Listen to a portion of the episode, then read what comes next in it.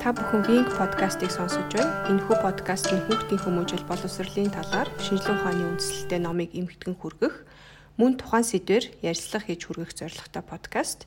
Бидний ураа бол Монголын ирээдүй хүүхдийн хөгжил. Өнөөдрийн подкастыг халиундаа битээр хөтлж явуулах болно. За номынхон гол агуулгыг бас ярив. За номын гол агуулга маань өнөөгийн боловсролын системийн доголдолтой байдлыг одоо яг одоо тэ энэ бодит туршлага судалгаан дээр үндэслэж одоо харуулсан байгаа. Аа тэгээд энэ боловсролын системээ одоо яаж өөрчлөх тухай бас энэ ном дээр бас өгүүлсэн байгаа. Тэгэхээр сонсогч та хэрвээ манай дөрөвдүгээр дугаарыг сонссон бол бид most likely to succeed буюу амжилтанд хүрэх замнал гэсэн энэ номыг бас та бүхэнд та бүхэнд хүргэсэн. Тэгэхээр тэр номоор одоогийн боловсролын а тогтолцооны талаар мөн одоо энэ тогтолцоо нь хүүхэд залуучуудыг одоо ирээдүйд тий бэлтгэхэд хангалттай тийм одоо мэдлэг боловсрол ур чадрыг одоо олохгүй байгаа талаар тэр номороо бид нэр бол ярьж хүргэсэн байгаа. Тэгэхээр энэ хангалтгүй байгаа энэ боловсролын системийг одоо сайжруулах биш тий бүр одоо үндэс агуулгаар нь одоо өөрчлөх шаардлагатай болсон байгааг одоо дэлхийн олон улс орнууд үнийг одоо олж хараад мэдээд те аль хэдийнэ болохоор тогтолцоогоо өөрчлөөд одоо эхэлчихсэн байгаа юм байна. Тэгэхээр манай улс ч гэсэн одоо хоцрохгүйгээр энэ хөгжилтэй хөл нийлүүлж алхах одоо хэрэгтэй юм болов одоо тэр цагт болсон юм болов гэж бодсны бодсны одоо үндсэн дээр бид одоо энэ сэдвийг одоо дахин хөндөж бас ярьж байна. Аа. За тэгээд ном маань бүтээлч сургууль гэсэн нэртэй байгаа тий. Тэгэхээр одоо энэ яг зохиолч маань бүтээлч гэдгийг яг юу гэж ойлгох юм бэ гэдгийг өөрийнхөө үгээр томьёолсон байгаа юм л та. За тэгээ зохиолчийн өнцгөөс яг бүтээлч гэж юу юм бэ гэхээр а үн цэнтэй санаа гаргаж эрэх процессыг бүтээлч байдал гэсэн байгаа. За тэгээ энэ одоо үн цэнтэй санаа гаргаж ирээд а тэгээ түүнийг хэрэгжүүлэх гэд одоо яг энийг бүтээлч сургуулаар энэ боловсролыг олгох хэрэгтэй гэдгийг энэ номороо зөвлөсөн байгаа. За тэгээ бүтээлч гэдэг дотор төсөөлөл буюу одоо imagination а санаачлах буюу innovation гэсэн юм хоёр зүйл орно гэж тайлбарлсан. За төсөөлөх бол ойлгомжтой тий оюун ухаанда ямарваа нэгэн зүйлийг одоо бид нэр одоо төсөөлнө гэсэн үг тий. За одоо юу гэдэг юм пуужин хинч гэдэг юм уу пуужин ямар хэлбэртэй байх вэ ч гэдэг юм уу тэр маань төсөөлөл болно. А за санаачлах гэдэг нь болохоор тэр төсөөллөө бодит зүйл болгож хувиргах процессыг хэлнэ одоо хичнээн гоё юм төсөөлөөд а тэрийг яг хэрэгжүүлээд юм уу бодит амьдрал дээр а одоо ямар нуа нэг юм бодит зүйл болгож чадахгүй болвол тэр маань өөрөө одоо бүтээлч гэсэн одоо үг биш болох нь байна те. Тэгэхээр заавал одоо энэ төсөөлөл болон а юу санаачлаг гэсэн энэ хоёр зүйл маань байж иж одоо бүтээлч гэсэн одоо ийм сургуулийг бүтээх нэ. За тэгээ ингээ хайрцаглахдахгүйгээр төсөөлөх чадвар тэгээ түүнийг бодит зүйл болгох чадварыг боловсролын систем маань олгох хэрэгтэй байна. Түүнийг ер нь хэрхэн олгох юм бэ гэдгийг юм зөвлөдөг ном байгаа. За тэгээ бүтээлч байдал гэдгийг бид нэр юм урлагч юм уу те дизайны салбарт л байх юм шиг эсвэл одоо яг тэр төрлийн хүмүүс хийдэг зүйл битээр ойлгоод идэг. А гэтэл бол бүтээлч байдал бол за тоо, шинжилгээ ухаан тэр хвтихэл одоо хоол хийхтэй эсвэл улс төр бизнес гэд аль ч салбарт байж идэг. Тэгэхээр ер нь бол зохиолчийн хэлээд байгаа минь одоо тийм creative school гэдэг нь одоо дандаа урлагийн юм заана гэж битгий ойлгоорой. А бүтээлч байдлаар заана, бүтээлчээр ер нь сурна гэсэн үг гэдгийг энэ номон дээр тайлбарсан байгаа. Жишээ нь одоо хоолны хичээлээр дамжуулаад бид нэр хүүхдүүдэд тоог зааж болж юм те а одоо грамм, миллиграмм ч юм уу тийм тооны хэмжүүрүүдийг зааж болно. Эсвэл одоо химийн хичээлийг бас хоолны хичээлээр дамжуулаад сонирхолтой байдлаар зааж болно тий. А мөн одоо анатомиг зааж болно тий.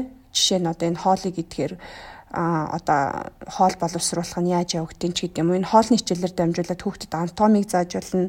А мөн газар зүйн хичээлүүдийг ч гэсэн одоо зааж чадна гэсэн үг тий. Жишээ нь одоо энэ хүнсийг хаанаас аваад хаагур дамжиж яаж ирдэж гэдэг юм уу те тэрийг ингээ газар зүйн хичээлийг ч гэсэн одоо энэ хоолны хичээлээр зааж болно гэсэн. Тэгээ ингээд заагаад тэгэхээр хүүхэд бол илүү юмыг сонирхдаг те юм сурах хүсэл эрмэлзэлтэй таньж мэдэх юм а юутай байт юм байна л да хүсэл эрмэлзэлтэй. Тэгэхээр ер нь бол энэ аргаар бид нэр сургалтынхаа процессыг явуулвал илүү үр дүнтэй юм шүү гэсэн юм агуулгатай ном байгаа. За тэгээд номоо алта битээр болохоор ер нь нэг гурван үндсэн хэсгийн хүрээнд ярих гэж бодож байгаа. Нэгдүгээрт нь болохоор а яг одоогийн сургалтын систем нь яг юугаараа доголдолтой байгаад байгаа юм тий. А хоёрт нь болохоор боловсролын систем ямар байвал бид хүүхдүүдэд зөв хүмүүжүүлж одоо сургаж ирээдүйд бэлдэж чадах юм тий. А гуравт нь болохоор одоогийн байгаа системийг хэрхэн яаж өөрчлөх аргачлал болон зөвлөмжүүдийг одоо битээр ярина. За за тэгээд нэгдүгüрт нь болохоор одоогийн боловсролын тогтолцоо гэж байгаа. За тэгээд тухайн улсын эдийн засаг, нийгэм, эрүүл мэндийн хөгжлийг тодорхойлдог хамгийн гол салбар бол боловсрал байдаг тийм. За боловсролын асуудал ийм чухал болохоор ер нь бол а одоо сургалтын хөтөлбөрийг сургуулиудаар өөрсдөөр нь шийдвэрлэх биш ийм засгийн газар оролцож зохицуулах болсон юм байна л да. Та Тэгээд энэ дээр болохоор одоо хөтөлбөрийг стандартчлах тий. А боловсролын амнаас хөтөлбөрийг ингэж боловсруулж өгөх. За тэгээд яг тэр стандартыг хангаж байгаа эсхийг шалгах юм тестүүд боловсруулад сургуулиудаас тест авах те сургуулиудын одоо төвшинг ч юм уу заах аргыг нь ингэж а одоо төвшингийн ингэж шалгах те за тэгээ мөн одоо боловсролыг үр ашигтай болгох зорилгоор а сургуулиудтай хариуцлага тооцоод өрсөлдөөнийг бий бодлох ийм бодлогууд маш ихээр явагдсан. За үүний үр дүнд болохоор яг одоогийн боловсролын салбар маань бид нар хэрвээ энийг гурван үгээр илэрхийлэх юм бол нэгдүгüрт нь болохоор стандартчилсан тий стандартчилсан а хоёрт нь болохоор тест дандаа бүх юм одоо тестэн дээр суурилсан а гуравт нь болохоор одоо өрсөлдөөн гэд ийм гурван үгээр тодорхойлох боломжтой. Тэгээд одоо хит энэ зүйл рүү юм туйлширсан систем бий болсон юм байна л да. За гэтэл бид нэр яг боловсролын эцсийн зорилго яг юу юм бэ те? Шалгалт өгөх юм уу? Эсвэл одоо өрсөлдөх юм уу? Тэ? Ингээ бодоод үзээ л те яг эцсийн зорилго нь юу юм гээ. Тэгэхээр боловсролын эцсийн зорилго бол хүүхдэд мэдлэгийг цээжлүүлэхээсээ илүү одоо хүүхдэд тухайн мэдлэгээ ашиглаад ямарваа нэгэн бүтээх чадварыг олгох байдаг. А гэтэл одоогийн шалгалт буюу өрсөлдөөнд болохоор яг тухайн хүүхэд юу мэдэж байгаа юм бэ гэдгийг шалгалт шалгадаг ийм хэрэгсэл болсон болохоос биш яг тэр хүүхэд амьдрал дээр гараад одоо тэр сургуулиас сурсан мэдлэгээ ашиглаад юу бүтээж чадах юм бэ гэдгийг а тэр тестээр бол огт шалгадгүй те. За тэгээд ийм хит шалгалт ийм өрсөлдөөн төвтөө болсноор яг ямар сул талууд гард юм бэ? Яг ямар сул талууд гараад байгаа юм бэ? Гэдгийг бодъё л доо. За тэгээ ингээд бодохоор нэгдүгüрт нь болохоор яг шалгалтанд бэлтгэхэд маш их цаг одоо тэр хүүхдүүд зарцуулснаар хүүхдүүд анги дээрээ юм уу танхимд ирээд хоорондоо ярилцах, хамтрах, одоо бодож тунгаах тий санал солилцох ямар ч юм цаггүй болсон. Зүгээр л юм шалгалтанд одоо бэлддэг роботууд болоод хуурсан. За хоёрт нь болохоор хүүхэд юм төрөлхийн бүтээлч, юм санаачлагч, сониуч чадвартай байт юм байна л да. За тэгээ хитрхи их шалгалтанд төвлөрч одоо шалгалтанд бэлдснээрээ тэр чадварууд нь бол ингээд өдөр тутам устж идэг. За тэгээд гуравт нь болохоор сайн сургуульд оръё гэвэл шалгалт те. Сайн ажилд оръё гэвэл шалгалт. За тэгээд тийм болохоор сургуулийн хөтөлбөр буюу сургалтын агуулга болохоор ерөөсө шалгалтыг хэрхэн үр дүндээ бэлтэх юм бэ гэдэг дээр л хоорондоо өрсөлдөг болцсон. Аа тэгээд тэр өрсөлдөөн одоо ингэж хит их бий болсноор хамтрах, багаараа ажиллах, одоо нэгнийг ойлгох, тэ нэгэндээ туслах ийм хүндлэх чадварууд айжм айжмаар устж байгааг энэ номон дээр дурдсан байгаа. За тэгээ номон дээр болохоор шалгалтыг бол бид нэр тий ор тас болно гэж байхгүй. За больч гэж хэлээгүй. Харин одоо энэ шалгалт буюу стандартчл гэдэг зүйл маань тодорхой заагтай байх ёстой гэж зохиолч маань хэлж байгаа. За тэгээ яг юу стандартчлах юм бэ гэдэг сонголт нь өөрөө их чухал юм байна л да. Жишээ нь Америкт болохоор шалгалтыг стандартчилсан те байдгийн болвол харин Финляндд болохоор багш бэлдэх арга замыг стандартчилсан байдаг юм. Тэгэхээр эндээс манай улс маань ч гэсэн яг юг стандартчлах вэ гэдгээ бас бодоод одоо бусад улсуудын туршлагыг судлаад те энэ дээр бас юм зөв шийдвэр гаргаасай гэж бодсон. За тэгээд хэрвээ шалгалт маань болохгүй бол бид нар яг одоо сурагчдыгаа ч юм уу багшигаа яаж үнэлэх юм бэ гэдэг асуулт гарч ирнэ те. За тэгээд энэ дээр зохиолч маань юм зөвлөмж өгсөн байгаа юм л да. Эхлээд сургууль маань яг ямар хүн төгсгөх зорилготой байгаа гэдэг талаараа сургууль сурагч эцэг эхнэр хоорондоо ингээд ярилцах хэрэгтэй байна. Гурвалсан одоо юм те харилцаа үүсгээд яг ямар хүн төгсөх гээд байгаа гэдэг зорилгоо тодорхойлно гэсэн үг. За тэгээ яг зориг гэдэг маань ер нь бол тийм төгсөгч нар маань яг юуны талаар мэдсэн байх ёстой юм. Тэгээд энэ мэдлэг нь яг бодит амьдрал дээр гараад ирэхээр яаж тий хэрхэн хэрэг болох юм. Аа тэгээ тэр мэдлэгээ ашиглаад юу бүтээж чаддаг болох юм гэсэн ийм асуултын дор зорилгоудаа тодорхойлох хэрэгтэй байна л та. За тэгээд ер нь бол энэ зорилгыг тодорхойлохын тулд одоо массаар нь ч юм уу те уулзах боломжгүй учраас хүүхэд нэг бүртээ бүрчлэн одоо нэг бүртээ уулзаад тий хүүхэд бүрт юм өөр өөр зорилгоод тодорхойлно гэсэн үг. За тэгээд явцын дон болохоор яг энэ зорилготой хүрч гин үү хүрхийн тулд яг юу хийсэн бэ гэх те тэрийг нь бид нэр дижитал портфолио буюу одоо ингээд онлайнаар те ийм бүтээлийг нь зургийг аваад тавьдаг ч юм ийм портфолио үүсгээд тэгээд түүнийгээ баримтжуулаад хадгалаад тэгээд тийшээгээ сурагч ч гэсэн эцэг их ч гэсэн сургуульч гэсэн ингээд нөх хин хин ийм холбогдох тий холбогдож харах боломжтой байхаар зохицуулбал зүгээр юм байна гэсэн юм санааг зохиолч маань өгсөн байгаа. За тэгээд боловсролын систем яг ямар байх юм бол бид нар хүүхдүүдэд зөв хүмүүжил сургаж боловсруулах юм буюу а тэр одоо хоёрдугаар хэсгийг маань алтаа ярих бах те. Аа. За тийм. Тэгэхээр а хоёрдугаар хэсэгт зохиолч маань За тэгээ ер нь ямар боловсролын систем байвал зүгээр юм бэ? Энэ талаар ярьсан байгаа тий.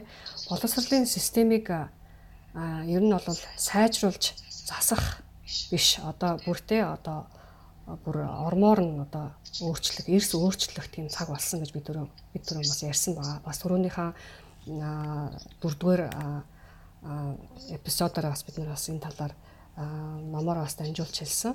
Тэгэхээр өөрчлөлт өөрчлөлтийн тухай бид нар ярихаас өмнө бас эхлээд юунд хүрэх гээд байгаа гэдгийг бас тодорхой болгох хэрэгтэй тий. А боловсрлоор бид нар ирээдүйн одоо хойч үедээ юуг зааж сургах гээд байгаагаа ерөнхийд нь болвол тодорхой болох хэрэгтэй гэж түрүүн халууна ярьсан. Тэгэхээр нэгт бид нар хүүхэд бүр одоо тий хувь хүний үн цэнэ мэдэрч өөрийн одоо тэг мөн чанараа илэрхийлж авьяасаа судалж ойлгосон ойлгох одоо тийм зорилгонд туршилсан боловсролын тийм системийг бид нар бий болгох хэрэгтэй гэж зохиолч нь хэлсэн байна. Тэгэд ингэснээрээ болохоор а хоёрт болохоор те гадаад орчноо хүүхэд ойлгож те нийгэмд хүлээх хариуцлага хариуцлага ухамсарлаж хүлээдэг тийм иргэн болох тийм боломжийг бүрдүүлж байгаа. А ингэснээрээ болохоор хүүхэдтэй идэвхтэй тэ илүү одоо зөв инэрэнгүү тийм амьдарч чаддаг а тийм одоо боломжтой болж байгаа юм байна л да. Тэгэхээр энэ зорилтуудын а зорилтуудын хүрээнд тэ бид нар тулгуурласан тийм одоо боловсролын системийг бий болгох нь одоо зүйтэй зүйтэй гэж энэ номын зохиолчд маань хэлсэн байгаа. За энэ бүлэгт нэг юм сонирхолтой бас юу байдаг? Жишээ байдаг. А доктор Лори Барон гэдэг нэртэй юм эмэгтэй Smoky Road гэсэн юм дунд сургуульд одоо захирлаар очт юм байна л да. За тэгээд тэр очисон сургуульд нь болохоор нэлээд тийм асуудалтай хэцүү тэгээ аюух одоо зодон зохион их болдог багш нар нь тогтдгоо нэр хүнд муутай тийм сургууль байсан юм байна. Тэгэд тэр хүн очиод эхлээд хамгийн түрүүнд байгаа байдлыг нь одоо тий харж шинжээд аюулгүй орчин бий болох нь одоо эхлээд хамгийн чухал эхний одоо алхам юм байна гэж үзээд аюулгүй орчин хүүхдийг одоо сургуультай ирэхдээ тийм аюулгүй орчин суралцах тийм боломжийг бүрдүүлэх тийм одоо үйл ажиллагаа явуулдаг байгаа. А жишээ нь одоо сургууль дээр нь одоо зодон зохион бол боллоо гэхэд те юу гэдгийг шийтгэл өгдөг ч юм уу тийм байдлаар аюулгүй орчныг бүрдүүлж өгсөн. За тэгэд энэ нь болохоор нэлээд бас удаан хугацаа шаардсан. Аа тэгээд дараа нь хоёр дахь одоо алхам нь юу байсан бэ гэхээр а хүүхдийг сургуультай ирэх тийм хүслийг нь бүрдүүлсэн төрүүлсэн тийм сургууль бий болох тийм зорилт тавьж ажилласан байгаа. Ингийн тулд хүүхэд тус бүртээ танилцах хэрэгтэй болсон. Тэгэхээр хүүхд болгонтой танилцаад эхлэхээр тэр хүүхдүүдийн юун сонирхолтой, юунд авьяастай гэдгийг нь бол мэдэх тийм боломж бүтсэн байна. А мөн бас тэр хүүхд нэг хүүхэд ирэхгүй байлаа гэхэд тэр хүүхдийг одоо тий тэр хүүхдээр сургууль дутаж байгаа байгааг тийм харуулсан тий одоо урамшуулсан тийм бас орчныг бүрдүүлсэн тийм одоо сургуулийг одоо бий бол болгохыг одоо зорж ажилласан байдаг. За тэгээд а ингэж зорж ажилласныхаа одоо үр дүнд хүүхэд одоо өөрийнхөө сонирхолтой одоо зүйлээрээ тий а хичээллэхтэй тэр зүйл дээр бол дэмжлэг дэмжлэг авч сургуулаасаа дэмжлэг авснараа бусад одоо хичээлдээ болохоор айгүй тийм амжилт үзүүлж эхэлсэн байна л да. Жишээ нэг хүүхэд гэхэд одоо бие тамирын хичээлдээ их дуртай хүүхэд байсан байна. Тэгээд сургуулаас нь тэр хүүхдийг бол олон талаас нь дэмжиж бүх шаардлагатай зүйлүүдийг нь хангаж өгөөд тэгээд тэр хүүхэд одоо тий хүссэн одоо юу гэдэг тэр хүүхдэд зориулсан одоо тийм сургалтын хөтөлбөр бий болгоод биеийн тамирын хичээлийг нь илүү одоо түлхүү одоо оруулуулад аяга тэгээд ирсэн чинь нөгөө хүүхд чинь болохоор бусад хичээлүүдтэй бол илүү одоо амжилт гаргаж ирсэн байна л да. Яагаад гэвэл хүүхдүүд ингээд өөрсдөд нь анхаарал тавиад өөрийг нь ойлгоод дэмжиж эхлэхээр хүүхэд илүү одоо хичээл бусад хичээлдээ одоо хичээж хилдэг юм байна. За бас нэг жишээ ихэд болохоор нэг нэг охин дууны хичээлдээ ер нь дуундаа их дуртай хүүхэд байсан юм байна. Тэгээ тэр охины аав нь 4 дугаар ангид байхад нь бол өнгөрсөн байдаг. Тэгээд тэр охин охины бол хичээл нь ингээд унж хичээлийн дөнгүүд нь унж эхэлсэн. Аа тэгээд үнийг нь болохоор багш нь анзаараад тэр охиныг хоор дууны хичээлд гоцлол дуучнаар оруулдаг. Аа тэгээд ирсэн чинь нөгөө охин чинь болохоор мэдээж айгүй дуртай те. Тэгээд бас бусад хичээлдээ болохоор тэр хүүхдийн одоо хичээл нэрэлт нь бол илүү одоо илүү болж эхэлсэн байдаг. Тэгэхээр хүүхдийн ингэж юун дуртай сонирхолтой байгааг нь анзаарч дэмжснээр хүүхэд өөрийг нь сонсож ойлгож үнэлж байгааг нь бол мэдэрдэг юм байна. Ийм аргаар хүүхэд тус бүртээ одоо ажиллахад явандаа тэр сургуулийн нэр хүнд бол өөрчлөгдөж эхэлсэн байдаг. Тэгээд улмаар тэр сургууль сургууль нь болохоор юм шагнал хүрсэн байдаг байдаг юм байна. Аа за энэ дэр бас нэг сонирхолтой бас жишээг бас дурдъя. Стив Рис гэдэг ийм архитектур архитектур ийм мэрэгчлээ ийм залуу байсан юм байна. За тэр хүн болохоор ийм хүүхдүүдтэй бас те өөрөө бас болохоор аав. Аа тэгээд нэг удаа тэр сургуульд одоо тий тааруу сурдаг ер нь өндөр эрсдэлд байдаг одоо хүүхдүүдийг хэрхэн одоо сургуульд хамруулж хэрэгцээ шаардлагыг нь хангаж тий хангах вэ гэсэн ийм сэдвэр уулзалтанд оролцсон байна л да. Тэгээ тэр уулзалтанд оролцоод оролцохдоо бас яг тэр хүүхдүүдтэй танилцаад тэр хүүхдүүд ямар их одоо цаашаа тий юм суралцах хүсэл эрмэлзэлтэй байдгийг нь олж мэдээд яг тэр хүүхдүүдэд тохирсон тий а сургуулийн хөтөлбөр одоо сургуулийн тийм програм өөрөө бий болгоод нэг сургуулиас зөвшөөрөл аваад тийм програм ажиллуулж эхэлдэг. Аа тэгээд тэр ангидаа болохоор а одоо жирийн сургууль сурах дургүй сэтгэл зүйн одоо ямар нэгэн асуудалтай боловч одоо тий потенциал өндөртэй тийм хүүхдүүд зориулсан юм тусгай програм байдаг. Аа тэгээд тэр програмаар болохоор а бизнесийн одоо салбарт ажиллаж байгаа те а хүмүүсийг бол хүүхдүүдтэй холбуулж те холбогдуулж одоо ментор зөвлөх маягаар тэ хүүхдүүдэд одоо зөвлөгөө өгөх а за мөн болохоор бүтээлч сэтгэлгээ шинээр бизнес эхлүүлэх чадвар хөгжүүлэх ангийг хөгжүүлэх тийм одоо юу гэдгийг төслүүд хэрэгжүүлэх мөн одоо хүүхдүүдийг юм ханаар тэ юм хийж альва зүйлийг ойлгохоо хэрхэн яаж хийх тухай тийм сонирхолтой асуултыг тавьж одоо хүүхдүүдийг юм бодуул сэтгэх боломжийг бүрдүүлсэн тийм одоо хичээлийг бий болгосон байдаг. Тэгээд а нэг бас нэг явуулж байгаа одоо ангидаа явуулж байгаа нэг арга нь болохоор жишээ нь бол тэр хүүхдүүдээс асуудаг те хэрвээ чи одоо те өсчин өсчин одоо болоод те өөр ингэсэн өсчин ажилуулах юм бол чи яаж ажилуулах вэ? Яаж одоо үйл ажиллагаагаа явуулах вэ гэсэн юм одоо асуултын энэ сэдвийн хүрээнд бол хүүхдүүдийг бодуулж тийм маягаар бол хичээлээ явуулдаг юм байна л да. Мөн бол сонин сэтгүүлээс бол уншиж хүүхдээ одоо өнөөдрийн болж байгаа үйл явдлуудыг хүүхдүүдэд танилцуулга уншиж өгөх. За бас нэг янз бүрийн одоо юм юмар тэ яс юм материалаар одоо юм хийх жишээ нь бол тэр ангид болохоор одоо хөөсөн зөрөөр ингээд машин машины ингээд завгар гаргасан юм байна л да. Тэгээ нэг хүүхдүүд ч юм болохоор амар итгэвтэй айгүй дуртай оролцож агаад нэг удаа хүүхдүүд нь өөрсдөө жинхэнэ машин хий гэсэн юм санал дэвшүүлдэг. Тэгээд багш нь нэг хэсэг эргэлдэж байснаа нэрээ тэг яагаад болохгүй гэж гээд а тийм нэг сиг болцсон одоо тийм нэг хуучин машинуудын тийм газраас очоод э, хинт чирэггүй те одоо хаягл болсон газраас машины юм сиг авчраад тэгээд бүгдээрээ нөгөө машина бүр ингээд те ажилтдаг болтол ингээд засдаг. Амар их юм сурах бах те. Тий. Тэгэхээр хүүхдүүдийн ингээд нөгөө сонирхлыг ингээд төрүүлээд өгчхөр хүүхд чинь болохоор өөрөө ингээд цаашаа аа тий тэр одоо нөгөө юу сур юу сурмаар маань гэдгээ бас өөртөө бас ингээд цаанаасаа бас ингээд юу яагаад өгдөг юм байна л та. Аа мотивац өгөх тий. Цаанаасаа бас ингээд нөгөө нэг тэр хүсэл ингээд төрөөд ирж байгаа болохоор аа багштай бас ингээд тий айгуу тийм нээлттэйгээр юу сурмаар байна, яах гэж байгаагаа бас хэлж илэрхийлдэг. Аа Тэгээд ингээд хүүхдүүд ингээд тэг ингээд ангидаа юм ханаар юм хийгээд тэр нь болоод ингээд бүтээд ингээд улам сонирхолтой болоод тэгэхээр хүүхд болол одоо өөрийгөө юм чадна юм хийж чадна гэсэн одоо тийм ихтгэлтэй болж улам ихтгэлтэй болж ирдэг юм байна.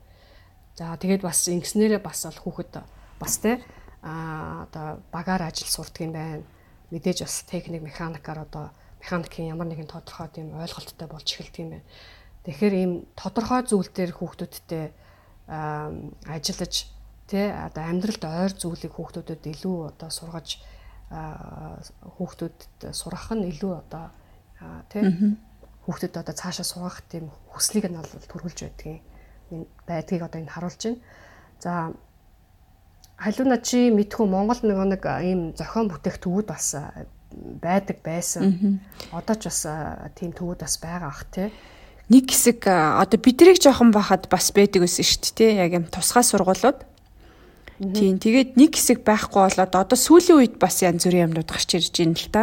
Одоо легогоор легогоор янз бүрийн тий бүр багаас нь физик одоо юу гэдгийг хөдөлгөөч байд юм уу дулаанч байд юм уу яаж ялгаруултын гэх мэт ийм үзэгдлүүдийг легогоор дамжуулж тайлбар одоо хүүхдэд ойлгуулдаг гэд ийм төвүүд бас гарч ирж байна. Тэгэхээр айгу айгу зөв одоо үзэгдэл байна тийм ийм төвүүд гарч ирж байна гэдэг чинь болохоор хүүхдийн одоо сургалт одоо боловсрал бол зөвхөн одоо сургуульд явагдах албагүй тий. Өөр одоо ийм төвүүдээр очиж хүүхдүүд маань илүү одоо өөрсдөө аяас сонирхолтой хөгжүүлэх юм боломжтой юм газрууд гарч ирж байгаа их баяртай. Тэгээ тэр төвүүд маань ч гэсэн нөгөө нэг дотроо бас юм хөтөлбөрүүдтэй тэгээд хувийн сургуулиудаар болохоор аль хэдийн одоо ингээд хөтөлбөрүүдийг аваад хэрэгжүүлээд эхэлсэн. Тийм одоо энийг бол бүр ингээд улсын сургууль руу ч юм уу те ийм нөгөө бүх хүүхдэд хүртээмжтэй байдлаар хийчихвэл илүү гоё болох бах. Тий яг үнэ.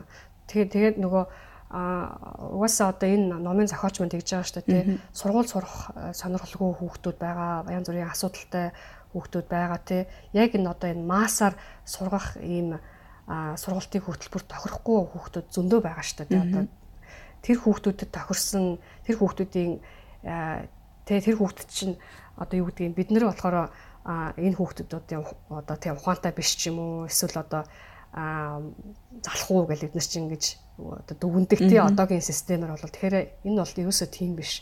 Ерөөсөө тэр хүүхдэд тохирсон сургалтын систем биш учраас тэр хүүхдийг сонирхол сонирхлыг төрүүлсэн тийм сургуулийн систем биш учраас одоо энэ хүүхдүүд бай сургууль сургуультаас сурч сайн сурч чадахгүй байна гэсэн үг. Тэгэхээр ийм хүүхдүүдэд зориулсан а одоо тийм сургалтын хөтөлбөр бий болох нь чухлаа гэж одоо энэ ном дээр ийм жишээнүүдээр харуулдаг юм л да. А за тэгээд Америкт болохоор одоо яг энэ санаачлаган дээр үнслээ тийм альтернатив буюу одоо тусгай өөр хэлбэрээр хэв маягаар явагддаг юм сургуулиуд бас бий болоод байгаа юм байна. Тэгэхээр эндээс дүгнэхэд болохоор тэ хүүхдийг болохоор тийм нэг хэвэнд одоо юм сутгах гэж одоо бид нар одоо үзэж штэ. Тий одоо бид нар чинь нэг аргаар хүүхдүүдийг сурах гад байна гэдэг нь хүүхдүүдийг нэг хэвэнд сутгах а одоо ийм үйл ажиллагаа явагдаад байна тий тэгэхээр ингийн оронд хүүхэд нэг бүрт одоо хөрсөн тусгаалсан тийм төлөвлөгөө хөтөлбөр одоо үнэхээр хэрэгтэй байгаа юм байна гэдгийг одоо энэ зохиолч минь бол дахин дахин дээр ном дээр хэлсэн байна. За мөн болохоор хүүхдүүдийг ингээд шалгаж те хүүхдүүдийг дүгнж те одоо ингээд чи энэ одоо юу гэдгийг а энэ хичээл дээр тэд авлаа ингэж хүүхдүүдийг одоо ингэ шалгахын оронд те улам одоо урамшуулах хүсэл эрмэлзлийнх нь эрмэлзлийг нь төрүүлсэн тийм одоо систем хэрэгтэй байна. За мөн бас хүүхдүүдийн авиа сонирхлыг анзаарч те дэмжих тийм одоо э, э, систем хэрэгтэй. Мөн болохоор онол практик хосолсон бодит амьдралд хэрэгтэй хэрэг болох тийм ур чадварыг суулгах тийм систем хэрэгтэй. За мөн бас одоо бизнесийн салбарт э, ажиллаж байгаа тий одоо за заавчгүй бизнес салбарт гэхгүй. Ерөөдөө энэ амьдрал дээр байгаа амьдралд ороод тий ажил амьдралд ороод ирсэн одоо хүмүүс шүү дээ энэ ментор хүмүүстэй хүүхдүүдийг холбож өгөх. За мөн болохоор дүүрэг хороо хороонд одоо сайн дурын ажилд оролцуулах тий. Нийгэмдээ бас өөрийнхөө хувь нэмрээ оруулах тийм бололцоог бүрдүүлсэн тийм одоо сургалтын систем биднэрт хэрэгтэй байна гэж одоо энэ хэсэгт номын маань зохиолчтой дурдсан байгаа. За тэгэхээр бид нар ямар систем хэрэгтэй байна гэдгээ бас одоо ингээд ойлголоо. Тэгэхээр яаж бид нар одоо энэ системийг өөрчлөх юм бэ? Ямар аргачлалууд байна? Ямар зөвлөмжүүдийг хүргээд байна? хүргэж байна гэхээр за нэгдүгээрт болохоор бид нар нэг зүйлийг анхаарах хэрэгтэй гинэ. Аа за би 3 дугаар сэдв рүү ингээд орлоо. Одоо 3 дугаар сэдв байна одоо ингээд эхэлж байна те. За боловсрал нь заавалчгүй уламжлалт аргаар явагдах сургуулийн дөрвөн хааны дотор а явагдах одоо албагүй юм аа. Тэгээ надад их сонирхолтой санагдсан л да энэ. Яа тэгэхээр бид нар боловсрал гэхээр л сургууль гэж ойлгодог тий. Сургуулийн анги танхим гэж ойлгодог. Гэтэл энэ хүн айгүй их чухал айгүй юм чухал нэг юм асуудал дэвшүүлсэн нь болохоор хүүхдийн сонирхол татаж чаддаг, зааж чаддаг тийм тийм чадвартай багш юм суралцах хүсэлтэй сурагч 2 сая байхад тий боловсрал явагдаж байна гэж үзэж байгаа. Тэгэхээр хаана байна гэдэг нь ерөөсөө сонирн биш байх юм тий. Хамгийн гол нь багш сурагч хоёрын хоорондын харилцаа. Хэрв багш сурагч хоёрын хоорондоо харилцаа байхгүй энэ эвдэрсэн бол сургалтын систем эвдэрсэн гэсэн үг. Хэрв сурагчид юм сурахгүй байна гэдэг нь боловсрал явагдахгүй байна л гэсэн үг. Тэгэхээр энийг бид нэр эхлээд хамгийн гол нь одоо ойлгох хэрэгтэй гэж зохиолчд мань дээр төвшүүлсэн байсан. За тэгэхээр сургууль дотор бид нар жинхэнэ тийм боловсрал явагдахад ямар ямар нөхцлүүдийг бүрдүүлчих хэрэгтэй юм бэ? Тэгэхээр нэгдүгürt би түрүү хэлсэн тийм ээ. Аа хүүхэд суралцах орчин, суралцах хүслийг нь хангасан тийм одоо боломж боломжийг нь бүрдүүлсэн уур амьсгал бий болгох. Тэгэхээр энэ энэ байхад бусад бүх зүйл одоо дээр нь ингээд нэмэгдээд явдаг юм байна л да. Аа за тэгээд энэ дээр үндэслээд багшийн үүрэг роль те хүүхдүүдийг одоо суралцахад одоо чиглэгдсэн байх хэвээр. За мөн багш багш өөрийн одоо үүрэг ройлыг гүйцэтгэхэд гүйцэтгэхэд шаардлагатай орчин нөхцөл бололцоог хангахад а сургуулийн тэр захирал нь анхаарч ажиллах хэрэгтэй юм байна. За тэгээд эцэст нь болохоор улсын хэмжээнд сургууль багш нарын өөрсдийн одоо үүргээ биелүүлэх тийм нөхцөлийг бүрдүүлсэн боловсролын бодлого боловсруулах хэрэгтэй гэдэг юм байна л да. За тэгэхээр эхлээд энэ дээр бас багшийн багшлах урлагийн талаар бас ярих гэж бодлоо. За хүүхэд өөрөө ерөнхийдөө бол суралцаад явдаг юм байна. Жишээ нь бол цэцэрлэгч одоо цэцэг тарихад тий тэр цэцгийг одоо ургах орчныг нь бүрдүүлж өгч байдаг болохоос биш тий а тэр цэцэг цэцгийг бол ургуулдаг. Цэцэг бол өөрөө ингээд ургаа явдаг. Тэгээд тэрүүн шиг адилхан хүүхдэд яг тэр суралцах орчныг нь бүрдүүлээд өгч юм бол хүүхд бол өөрөө ингээд суралцаа явдаг юм байна л да. За хамгийн гол нь багш сурагч хоёрын хоорондын харилцаа гэж хэлсэн байгаа тийм. Онол дадлах хоёрыг зөв хослуулж хүүхдэд заахыг одоо багшлах урлаг гинэ гэж энэ дээр тодорхойлж бичсэн байсан. За тэгэд ямар аргаар те одоо энэ онол дадлаг хоёрыг хослуулсан ямар ямар аргыг одоо хэрэглүүлтэй бид нар одоо хүүхдүүдэд илүү хүрч чадах вэ? За эхлээд болохоор бид нар engage буюу одоо хүүхдүүдийн оролцоо. За багш хүүхдүүдийн оролцоог хангасан тийм хүүхдийн хүүхдийг суралцах хүслийг нь төрүүлсэн орчин бүрдүүлэх. Нэг түрүү хэлсэн байгаа тийм.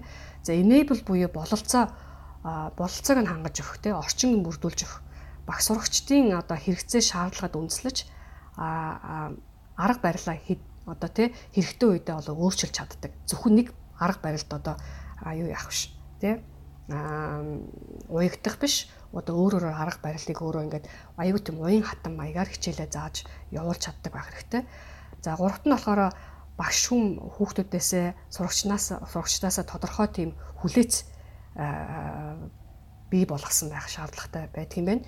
Жишээ нь бол дүн тавихтаа буруу хийснийг нь харуулж дүн тавих тавих биш те зөвхөн одоо те зүв хийснийг нь.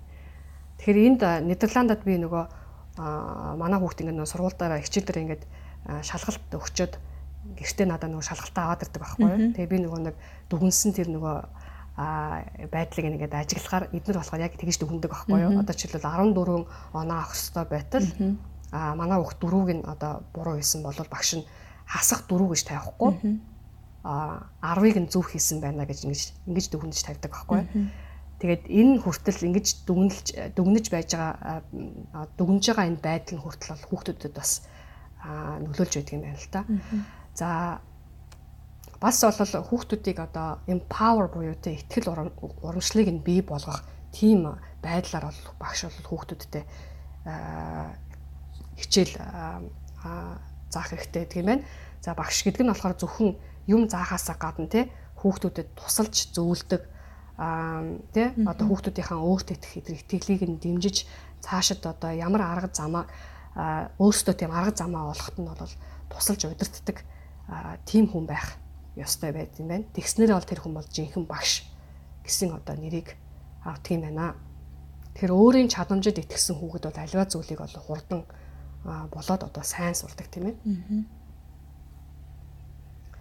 За халууна энэ дэр хэлэх оноо санаа оноо байна уу? Аа энэ дэр бас нөгөө нэг хаан академигийн жишээ гардаг тий.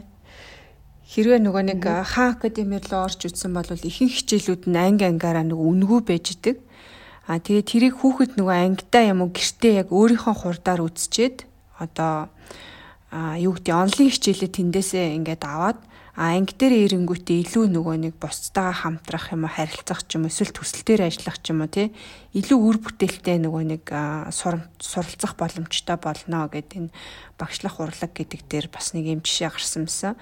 Тэгэхээр ер нь бол багш нь а самрын өмнө гараад хүүхдүүдэд хичээл заахаасаа илүү одоо яаж хамтарч ажиллахын те хоорондоо яаж харилцахын багаараа ер нь яаж ажилтын төслийг яаж явуултын ч гэдэг юм уу тэр талаас нь илүү ингээд нөгөө нэг консалтант маягаар хичээлээ заагвал илүү үр дүнтэй болно гэсэн санааг бас хэлсэн байгаа тий. Аа. За. Яг үнэ.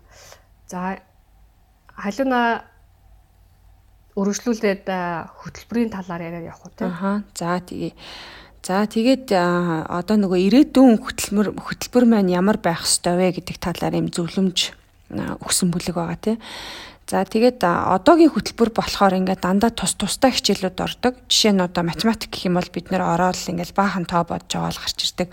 Монгол хэлгээл гэх юм бол бас ингээд баахан одоо юу гэдэг монгол хэлний зөв бичих дүрм ч юм уу ингээд үзэл гарч ирдэг тий. За тэгэхээр яг сургуулийн хөтөлбөр ямар байх ёстой юм бэ? Аа гэдэг асуулт эндээс гарч ирж байгаа.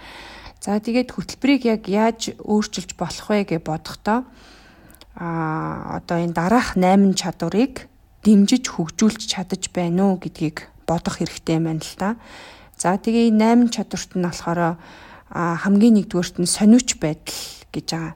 А энэ дээр болохоор хүүхдэд илүү юм нөгөө багшаас эмээхгүйгээр асуулт асуух чадвар тий энийг суулгаж өгөх хэрэгтэй. За тэгээ одоо юу гэдгийг хүрээлэн буу орчин дэлхийн ертөнц маань яаж ажилтгийг гэдгийг юм сонирхох одоо сонирхох те ийм чадварыг хүүхдүүдэд хэрвээ хөтөлбөр маань суулгаж өгж явах юм бол одоо болж гинэ гэсэн үг. За хоёрт нь болохоор бүтээлч байдал буюу энэ бүтээлч чадварыг нь суулгаж өгөх хэрэгтэй юм байна хөтөлбөр нь. За энэ болохоор шин санаа гаргаад түүнийгээ одоо хэрэгжүүлэх чадвар гэсэн утгатай. За тэгээ гуравт нь болохоор шүүмжлэх чадварыг суулгаж өгөх хэрэгтэй. За энэ болохоор мэдээлэл дүн шинжилгээ хийгээд тэндээсээ одоо аргумент гаргаж тавих ч юм уу те эсвэл шийдэл олох ч юм уу тэр чадвар гэсэн үг. За дөрөвт нь болохоор харилцах чадварыг хөтөлбөр маань суулгаж өгөх хэрэгтэй. За энэ болохоор бодол одоо мэдрэмжээ тодорхой бөгөөд өөртөө ихтгэлтэй байдлаар илэрхийлэх чадамж гэж байгаа. Энэ дээр болохоор бичих болон одоо ярих чадварууд бас орно. За зөвхөн үг бол одоо болон тийм тоогоор илэрхийлэх биш одоо юу гэдгийг дуу чимээ дүрслэлтэй тийм зүйлээр бас нөгөө илэрхийлэх чадварыг энд оруулж байгаа. За тэгээд тавд нь болохоор нөгөө хамтрах чадварыг бас хөтөлбөр маань суулгаж өгөх хэрэгтэй. Энэ болохоор одоо бусдаа хамтарч баг болж ажиллах чадвар тий. За тэгээд мөн инрэх болон хайрлах чадварыг буюу энэ нь болохоор бусдын мэдрэмжийг ойлгох те бусдын оронд өөрийгөө тавьж сурах чадварыг хөтөлбөр маань олгох хэрэгтэй. За тэгээд тайван амгалан байх чадвар буюу энэ нь өөрийнхөө дотоод мэдрэмжийг одоо таньж мэдэх өдөр тутмын жишээ нь бол одоо өдөр тутмын бясалгалаар дамжуулаад тий өөрийнхөө дотоод руу өнгөх цаг техникээр сурагчдыг хангах ч гэдэм үү тэр чадварыг суулгаж өгөх. За тэгээ эцэст нь эргэн байх чадвар буюу одоо зөвхөн одоо математикч гэдэг юм уу монгол хэлч гэдэг юм уу тийм биш а одоо ирээдүйд амьдрал дээр гараад бид нар чинь одоо яг л хуульд захирагдсан иргэн болно те тийм болохоор хууль эрх зүй яг яаж яваад байгаа эдийн засаг гэж яг юу юм улс төр гэдэг одоо яг хэрхэн ажилтیں۔ те тэр талаар ойлголтыг одоо бүр ингээд 10 жилд багт нь л хүүхдүүдэд ойлгуулад мэдүүлээд тийм одоо наад захын мэдлэгтэй болгоод төгсгөх ёстой байна л да. За тэгээд энэ 8 чадварыг хөтөлбөртөө оруулах ёстой гэсэн байгаа. Сургуулийн захирал ямар байх ёстой бэ гэдэг талаар бас зөвлөгөө өгсөн байгаа. За Америкт болохоор сургуулийн захирлуудын холбоо гэж байдаг юм байна л да. За тэгээ энэ холбооноос ингээд аюул олон жил ингээд судалгаа хийгээ те. Үр дүнд нь тэдний тодорхойлсноор сургуулийн манлайлагчд бол ийм гурван зүйл зүйлийг зайшгүй биелүүлэх хэрэгтэй гэсэн бас юм зөвлөмж гаргаж тавьсан юм байна. За энэ нь юу юм бэ гэхээр а нэгдүгüрт нь болохоор сургуулийн захирал маань багш ажилчдтайгаа хамтарч ажиллах чадвартай а байх хэрэгтэй. А энэ болохоор манай байгууллага одоо тийм алсын хараатай шүү гэ тэ тэрийг ингээл биччихэл зүгээр орхих биш. Тэр алсын хараагаа хүн болгонд багш болгонд ажилчин болгонд ингэж юм хүргэсэн хүргэж чадах ийм чадвартай байх хэрэгтэй. Тэгээд ер нь сургуулийн хувьд тодорхой, тогтвортой хөгжлийн бодлого төлөвлөгөөтэй байх хэрэгтэй гэсэн байгаа. За тэгээд сургуулийн захирал маань бас ямар чанартай байх ёстой вэ гэхээр одоо хүүхэд бүр те өвөрмөц а бусадтай юм адилхан байх албагүй гэдгийг хүлээн зөвшөөрөөд сурагч нэг бүртээ тулж ажилдаг тэдэнд одоо тохирсон сургалтын хүмүүжлийн юм төлөвлөгөө хөтөлбөрийг хөгжүүлэх хэрэгтэй байна. За тэгээд мөн эцэст нь болохоор өргөн хүрээний юм мэдлэг гэхээсээ илүү гүнзгий мэдлэг өгөхөд анхаарах тэгээд ийм төрөл бүрийн суралцах арга барилаар хангах те зөвхөн одоо багш самрын өмнө гараад заах биш одоо бодит кейсэс юм уу одоо өөр хүмүүстэй хамтраад ч юм уу те тэгж юм суралцах боломжийг олгох хэрэгтэй гэсэн мэн. За тэгээд багш сургуулийн захирлаас гадна гэр бүл бол бас маш одоо том нөлөөтэй гэж энэ ном дээр бичсэн байгаа юм л да. За хүүхэд сургуулиас гадна их их цагаа гэртээ өнгөрөөдөг тий. Тийм болохоор ер нь бол хүүхдийн хүмүүжил боловсролд эцэг эхийн нөлөө маш их байдаг. Энэ ч гэсэн одоо нөгөө яг одоо энэ тэнцгээ судалгаагаар бол яг батлагдсан. Тийм болохоор гэр бүл гэдэг бол маш чухал тий. А гэхдээ хүүхэд болгон таарсан юм хүүхэд хүмүүжүүлэх алтан дүрм гэж хаанч байдгүй. А гэхдээ зохиолч минь энэ дээр нэг хоёр зүйлийг өөрийнхөө туршлагаас а одоо нэг олж мэдснээ зөвлөсөн байгаа. А нэгдүгээрт нь болохоор эцэг их та хүүхдээ өөрийн гэсэн юм өвөрмөц чанартай хувь хүн гэж харах хэрэгтэй. Одоо нөгөө хүүхдийг ахтай ч юм эгчтэй ч юм уу харьцуулахгүйгээр те а энэ хүүхдэд өөр одоо ийм сул тал байдаг, давуу тал байдаг гэж тэрийг ойлгоод хүүхдээ яг ийм өвөрмөц хүн гэдэг талаас нь харах хэрэгтэй байна л та а хүүхэд болгон өөрийн гэсэн юм зан төлөвтэй, авьяастай, сонирхолтой байж идэг те. Тэгээ түүгээрээ ч гэсэн ингээд нөгөө ирээдүйд яг хэн болох вэ гэдгээ байн гэлтэгж идэг учраас тэрийг нь эцэг их нь илүү ингээд анзаараад те тэртлийг нь илүү ингээд дэмжиэд а хүүхдэд чиглүүлэх хэрэгтэй юм байна л та. Жишээ нь одоо легогоор зогсоод зайгуу тоглодог бол архитектур болох магадaltaй ч гэдэм үү те. Тэгэд одоо тэр талаар нь илүү их ингээл сонгон суралцуулаад дэмжих хэрэгтэй байх нэ. За тэгээ хоёрт нь болохоор эцэг их амьдрал бол яг юм шулуун шугам шиг одоо ингээд яг нэг стандартад тутгсан зүйл биш юм а гэдгийг хүүхдэд ойлгуулах хэрэгтэй гэсэн байгаа. Аа одоо жишээ нь стандартчлагдсан боловсрал болохоор биднийг те а багасаа л ингээл бүр сайн дуу аавна. Тэгээ сайн дуу авчдах юм бол чи сайн их сургуульд орч чадна. Сайн их сургууль төгсөх юм бол чи сайн цалинтай болно гэд ингээд нэг хэвэн зутгцсан байдаг те. Эцэг ч гэсэн дандаа одоо нэг хажуунаас тэгэж үгэлж идэг. А тэгэж үглэхийнхаа оронд хамгийн чухал зүйл бол одоо яг чиний сонирхол чинь яг хаана байгаа. Чи яг юу чадах юм те зөвхөн одоо юм сургуулаас хязгаар сургуулаар хязгаарлагдахгүйгээр тэрийг нь цааш нь ямар дугуулan секцээр хөгжүүлж болохын дэмжихийн гэдгээ одоо эцэг их нь илүү харж одоо хүүхдэд чиглүүлэх ёстой гэж зөвлөсөн байна. За тэгээд э, энэ дээр болохоор нөө эцэг их сургууль ингээд байнга хамтын ажиллагаатай хоорондоо юм холбоотой ажиллах тусмаа хүүхдийн хүмүүжил боловсрал илүү одоо эерэг нөлөө үзүүлдэгэ гэсэн судалгаа байд юм байна. За тэгээд хамгийн эцэст нь болохоор нөгөө боловсролын салбарын бодлого боловсруулагчид маань бас яг энэ сургууль те сургууль одоо бие дагаад хөтөлбөрөө боловсруулагч гэдэг юм уу тэр талаар нь дэмжиж ажиллах хэрэгтэй гэдгийг зохиолч маань хэлсэн байгаа. За тэгээд бодлого боловсруулагчид ч гэсэн одоо хүүхдүүдтэй хэрхэн яг яаж юмд суралцдیں۔ Ямар аргачлалууд байдیں۔ гэдгийг бүр шинжлэх ухааныхын талаас судлаад тий энэ дээр үндэслэж бодлогоо боловсруулах хэрэгтэй. За тэгээ энэ дээр хит хитэн улсын жишээнүүд гарч байгаа юм л да. За Шотланд гээд тэгэхэд боловсролын хөтөлбөрөө бүр ингэ шинжлэх зорилго тавьсан. За тэгээд энэ дээр болохоор шууд одоо ингээл яамны хідэн нөхөдтэй суугаал боловсруулах биш ингээд бүх одоо оролцож болох талууд те багш эцэг их а бүр сурагч өөрөө тэгээд бизнесийн салбарынхан за тэгээд тухайн нөгөө community гэж ярьдаг тухайн ингээд сургууль байршиж байгаа нутаг дэвсгэрийн дэвсгэрийн захиргаа те хороо дүүрэг тэдний одоо бүх хүмүүстэй нь уулзаад маш юм удаан хугацаанд хилцэх замаар боловсролын хөтөлбөрөө шинжилж байгаа юм байна. Тэгэхээр ингээд бүх оролцогч талуудыг оролцуулж байгаа гэсэн үг тийм. Тэгэд ном маань ингээд ерөнхийдөө гол утга санаа нь төгсөж байгаа.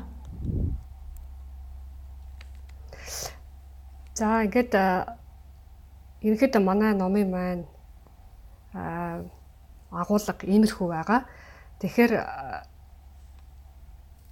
боловсрал гэдэг зүйл маань ерөөсөө аа тий одоо бидний ингээд бодож байгаа боловсрал яаж явагдах явагдах ёстой гэсэн энэ бодлоо бид нараас хаях ёстой юм байна гэж бодлоо.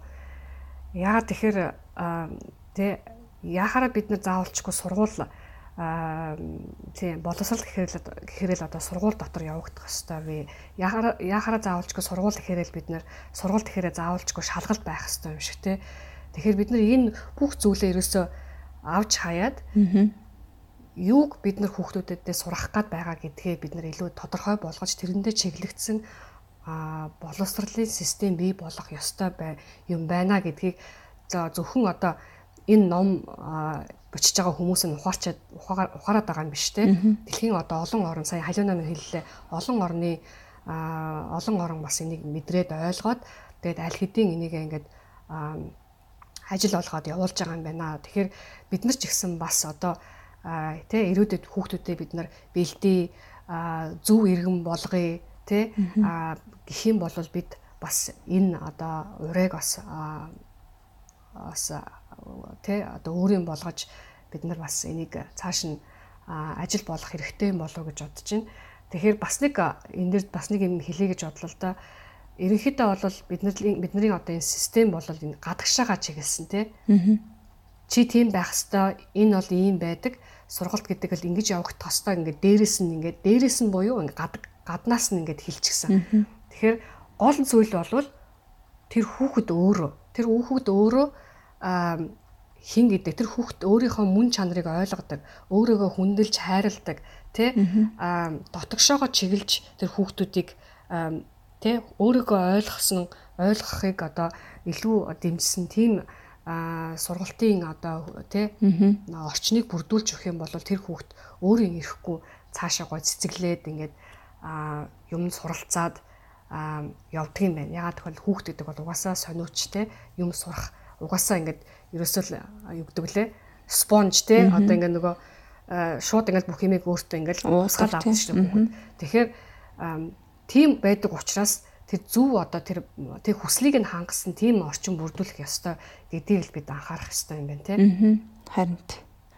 За тэгээд манай өнөөдрийн подкаст маань үүгээр төгсөж байна. За дараагийн подкастаараа та бүхэнтэйгээ уулзтлаа түр баяртай. За баяртай.